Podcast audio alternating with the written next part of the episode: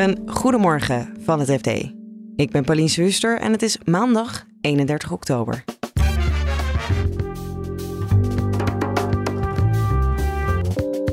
We kregen een exclusief interview met de baas van de militaire inlichtingendienst. Toen bleek dat ook uh, de baas van de MIVD zich goed had voorbereid op het gesprek. Want hij wilde ons iets vertellen.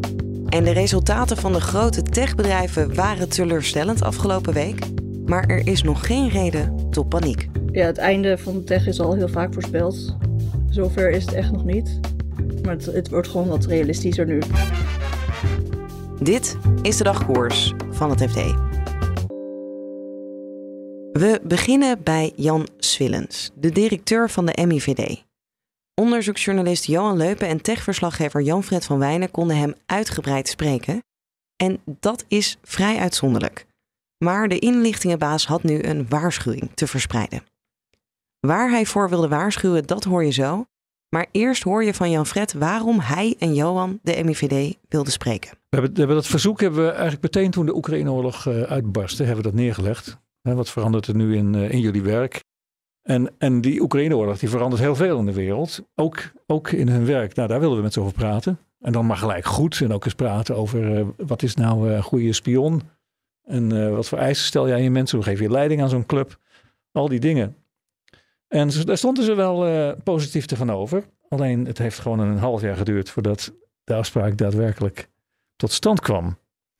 En toen we daar kwamen, met z'n tweeën, nadat we al onze opnameapparatuur, hè, die het ons werk tegenwoordig zo makkelijk maakt, allemaal in een uh, kluis moesten stoppen en gewoon met onze notitieblokjes zoals vroeger weer naar binnen kwamen.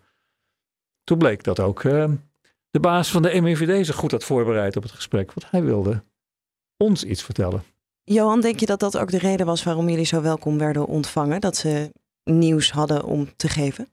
Ja, ik denk dat het feit op zich dat je opeens uitgebreid kunt praten als journalist met een, uh, met een baas van een inlichtingendienst in Nederland, dat is op zich al uh, een opmerkelijk iets. Ik denk dat dat iets relatief nieuws is.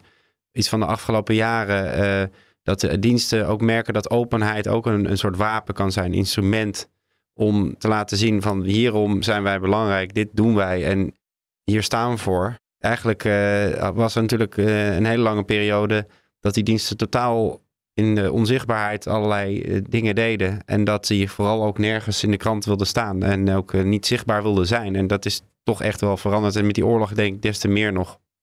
En Jan Fred, je zegt al, hij had een boodschap. Wat was de boodschap? Wat wilde hij naar buiten brengen? we waren wel getuigen van een grappig toneelstukje. Hij had iets klaar op zijn bureau, op zijn stapel spullen. lag een één velletje. velletje pakt hij, houdt hij op. Zeg, mag even kijken? Nee, nee, nee, nee, mag je niet zien. Ik lees het voor. En toen ging hij eigenlijk ook niet eens voorlezen, ging hij vertellen wat erin stond. Namelijk een, uh, wat zij noemen, wat wij een brief zouden noemen, dat noemen zij een inlichting, een product. Dat is het, uh, de brief dus aan uh, de minister van Defensie, in dit geval aan nog wat ministers waarin ze deze waarschuwing geven. dit is waar het verhaal om draait.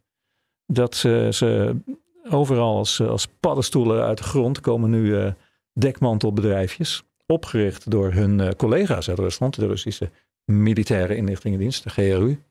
GRU zeggen mensen die het echt weten, geloof ik. GRU. De GRU. Die zitten overal in Europa, ook in Nederland.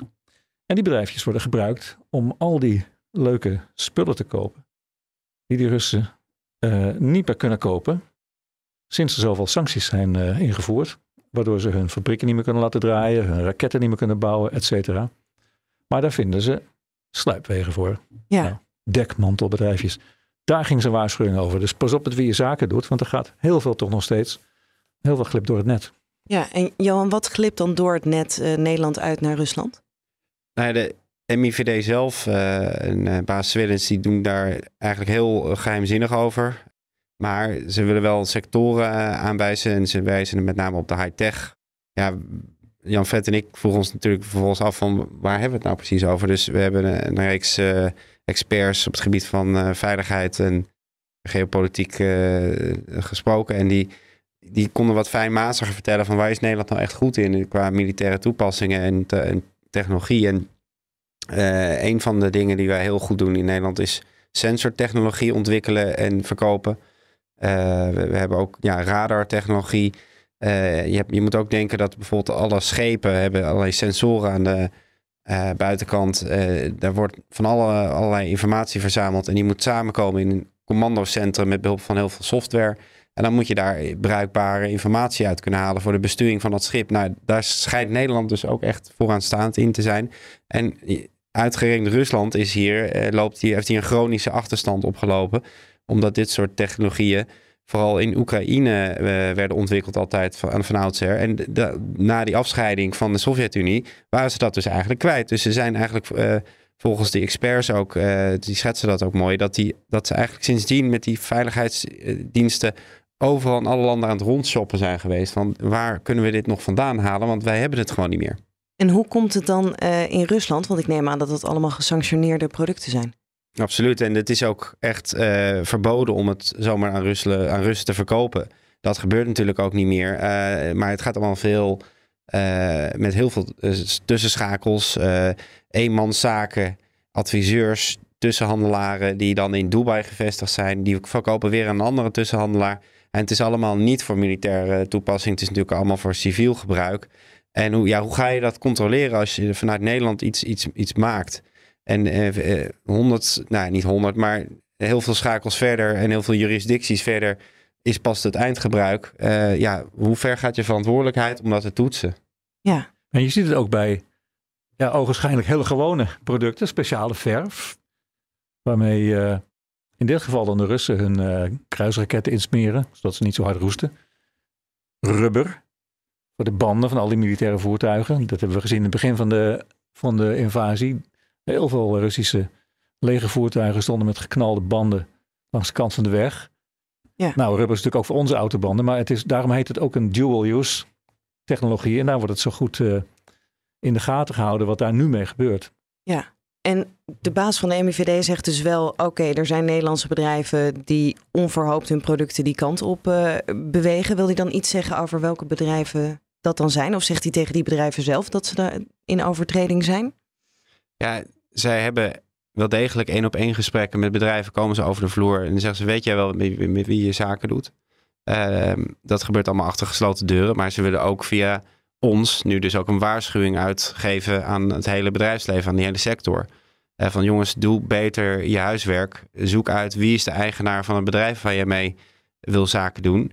Weet jij wel uh, wie dat zijn? Uh, je kunt ook paspoorten opvragen. Je kunt hele eigendomsstructuren, aandeelhoudersregisters kun je gewoon opvragen. Ja, dat, dat, dat hoef je misschien niet te krijgen, maar je moet daar veel strenger in zijn. Dat willen zij natuurlijk. en niet alleen maar denken aan, aan handel. En dan gaan we naar Silicon Valley, waar afgelopen week teleurstellend resultaat na teleurstellend resultaat binnenkwam. Ik neem het door met onze nieuwe beursredacteur Eva Schram, die hiervoor jarenlang onze Silicon Valley-correspondent was. Ze begint met het techbedrijf dat het het slechtst deed. Ja, dat was toch wel Meta. Die uh, rapporteerde opnieuw dalende omzet en die is uh, hard afgestraft door beleggers. Dus ze hebben niet alleen een uh, teruglopende omzet, en een teruglopende winst, want ze maken nog steeds winst. Maar ze investeren ook miljarden in het metaversum en daar worden beleggers wel steeds nerveuzer van. Zo nerveus, of in ieder geval het gaat zo eh, slecht dat ze ook niet meer bij de top 5 uh, eh, grootste techbedrijven staan. Nee, als je naar de beurswaarde kijkt, staat Meta nu op dit moment op 9. Tesla is nu nummer 5. De top 4, wie staan daar dan in? Uh, dat is Apple, Microsoft, Alphabet en Amazon.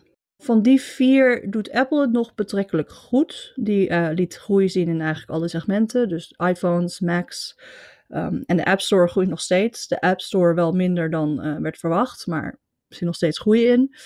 Uh, beleggers maken zich ook wel zorgen om Alphabet, want daar lopen de advertentieinkomsten ook terug nog steeds wel groeiend ten opzichte van vorig jaar, maar niet meer zo hard. En bij Alphabet, dat leek altijd een beetje immuun voor teruglopende advertenties, maar dat blijkt nu toch niet helemaal het geval. Bij Amazon um, is vooral de verwachting voor het vierde kwartaal, waar we nu in zitten, moeilijk. Omdat, uh, nou ja, daar, vallen natuurlijk de feestdagen in, dus dat is altijd hun beste kwartaal. Maar ze hebben nu gezegd dat de omzetverwachting lager is dan ze in eerste instantie dachten. En waar uh, kampt Amazon specifiek mee? Ja, dat is natuurlijk net als heel veel bedrijven. Dat de inflatie is hoog, consumenten gaan wat minder uitgeven. Uh, daarnaast kampen alle uh, bedrijven wel met problemen rond de sterke dollar. Dus als die dollar niet zo ontzettend sterk was als het hij nu is, uh, zagen, zouden de resultaten er een stuk beter uitzien. En je had het net al over die advertentieinkomsten die dan tegenvallen. Meta heeft er dan het meeste last van, maar Alphabet met Google heeft er ook last van. Je zei al, dat leek immuun te zijn. Wat, wat gebeurt er dan nu? Waarom zijn ze niet meer immuun? Waar Alphabet zich wel zorgen om maakt, is dat concurrent Amazon inmiddels ook vrij sterk is in advertenties. Gebruikers die iets willen kopen, gaan niet meer naar Google om te zoeken naar wat ze willen kopen, maar ze gaan direct naar Amazon. En Amazon verkoopt dan advertenties, uh, zodat verkopers hun product hoger in de lijst zetten. Nou ja, daar maakt uh, Google zich vermoedelijk wel zorgen over.